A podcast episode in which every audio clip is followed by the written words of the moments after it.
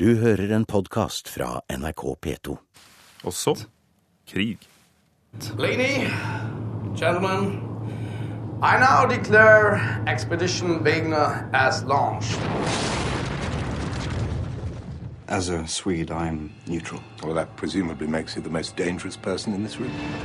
På et skip utenfor Svalbard i 1939 foregår en vitenskapelig ekspedisjon. Engelske, tyske og svenske forskere skal finne ut om det stemmer at alle kontinentene på jorden en gang hang sammen.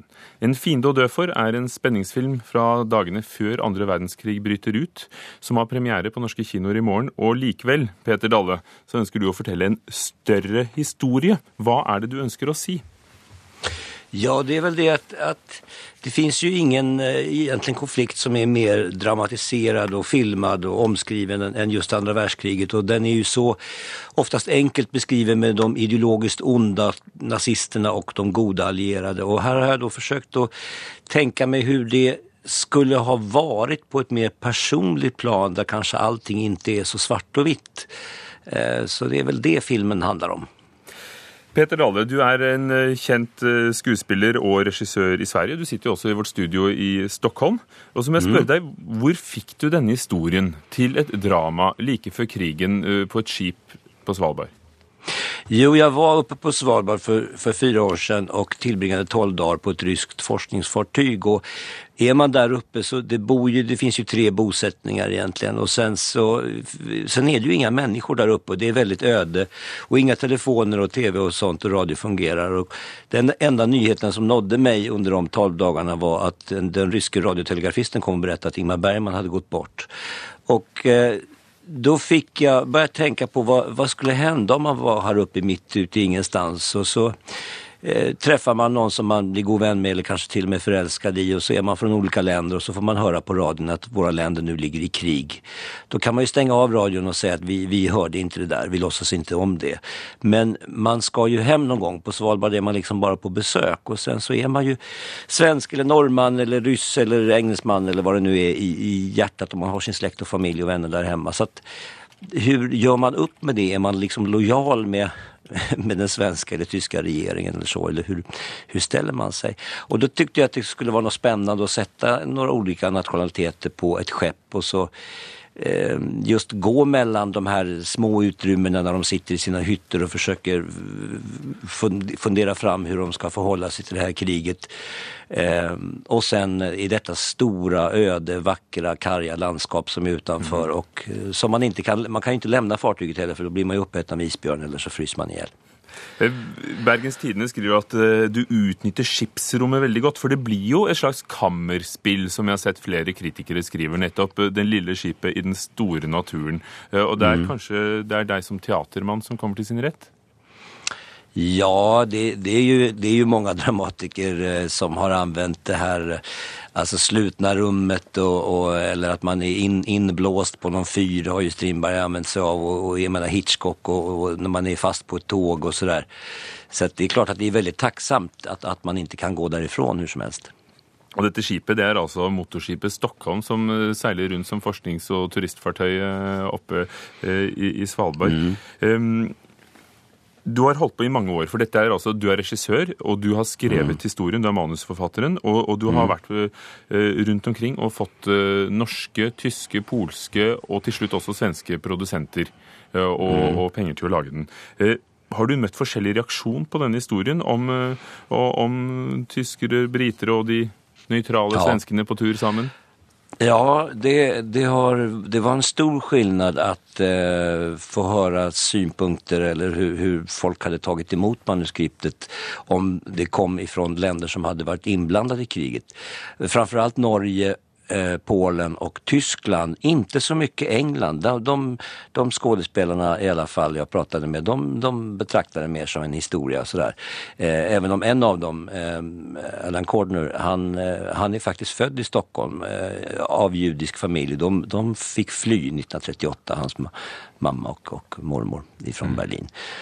Men eh, annars så var liksom det, det, i Sverige så var det mest som en historia vilken som helst. Det är, det är en tydlig skillnad att vi inte har varit med i kriget. Eh, Det, det märks verkligen.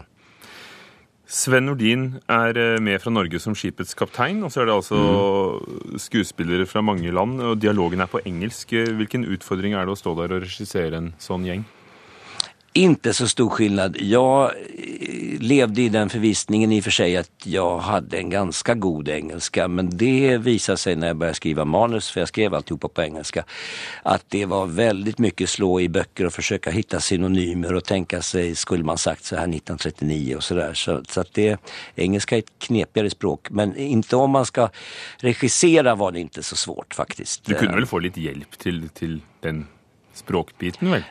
Ja, fast jag tror att det är ganska bra att man försöker få det att klinga som man vill. Sen, sen de engelska skådespelarna, det var väl tror jag två saker som de sa att kanske man inte skulle säga så här. Eller man, man, jag hade hittat något ord som jag tyckte lät tufft och ovanligt men så sa de det kanske inte riktigt är, är rätt i den här situationen. Men annars så, så tyckte de det lät ganska bra. Dette foregår i 1939, rett før andre verdenskrig starter. Og vi har fått mange krigsfilmer, i hvert fall her i Norge de siste årene.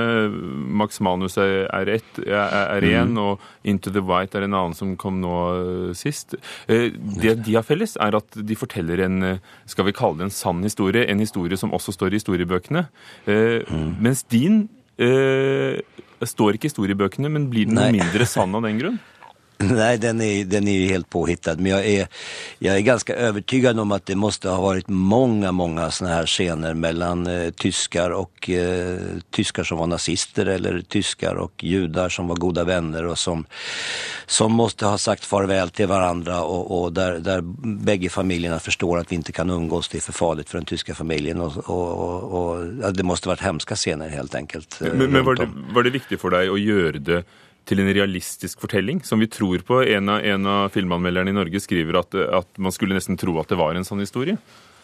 Ja, ja, ja det, det, i, i, så tillvida så har jag bemödat mig om att jag, jag eh, var ju uppe hos geologiska institutionen i, i Uppsala och satt en dag med dem och sa att så här har jag tänkt men jag är ju ingen geolog, skulle det här vara möjligt? Jo då, sa de, det hade absolut varit möjligt och, och eh, att eh, teorin om Pangea kom redan på 1560-talet eller sånt där tror jag första gången. Och sen kom den här vägen då på 20-talet och han hade lite fog för sina påståenden men det, det var inte förrän på 70-talet egentligen som det blev allmänt vedertaget att det var så här. Men någon sån här expedition har aldrig förekommit.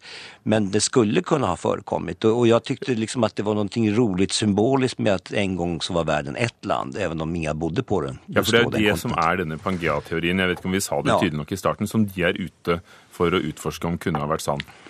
Ja, just det. Och att vi människor egentligen har samma ursprung och sådär. Även om då människan kanske inte kommer från Pangea så mycket som från Afrika. Men, men, men eh, det är ju mindre, mindre intressant. Vi är alla människor och vi tror på olika saker. Dessvärre ibland har, kan inte komma överens och så. Peter Dalle, du er eh, skuespiller med bakgrunn fra Dramaten, Stadsteatret i Stockholm. Du, du har regissert eh, film før, men mange i Sverige kjenner deg som komiker fra sketsjer og, og begynner å smile med en gang jeg nevner ditt navn eh, for svensker, og, og begynner nesten å le. Men betyr dette at du vil regissere mer? Ja, alltså, jag tror att, jag menar, jag har väl någon sorts fallenhet för komedi och jag har ju gjort det väldigt mycket men, men vi, alla vi människor är ju en blandning av kåta och trötta och ledsna och arga och förtvivlade och, och glada och sådär så att man har ju flera sidor, gubevars. Och, och nu har jag gjort så mycket komedi så jag tyckte att det här var någon jag är väldigt förtjust i att sätta ihop, hitta på historier som, som jag tycker låter fantasieggande och sådär. Så att det, om det sen är drama eller thriller, det här är ju en thriller, det är ju tänkt att vara en spännande film liksom. Och det, thriller är ganska lik komedi rent dramaturgiskt i bygget. Det måste, det måste fungera och, och, och musik och sånt där. Man tänker på sånt när man filmar, att här kan det bli spännande att de går i korridoren ganska länge eller så. Ehm, och så får då Adam som har gjort musiken se till att det blir spännande. En fiende dag dö för har alltså premiere på norska kinoer i Och du, Peter Dalle, är, är filmens regissör och, och manusförfattare. Och så är det det, Peter Dalle, at det er den tiden av året da mange av oss tenker på et dikt, et svensk dikt av Karin Boye. Vet du hva jeg tenker på? Eh, ja, det måste väl vara visst gör det ont när knoppar brister.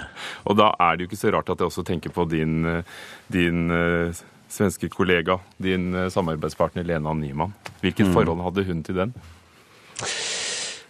Eh, Jag vet inte hur Lena ställde sig just till Karin Boye men jag inbillar mig att hon tyckte om henne. Jag tyckte väldigt mycket om Lena. Det var en alldeles fantastisk skådespelerska och en väldigt god kamrat och en människa som inte var särskilt imponerad av någonting men väldigt rak och öppen och ärlig. Så uppfattar jeg, jeg har nemlig funnet frem den eh, LP-en som kom i 1978 med Bernt Egerblad, som laget Ja, musikk just det. til Ja visst gjør det vondt med Lena Nyman. Takk for at du kom til Kulturnytt, Peter Dale. Du har hørt en podkast fra NRK P2.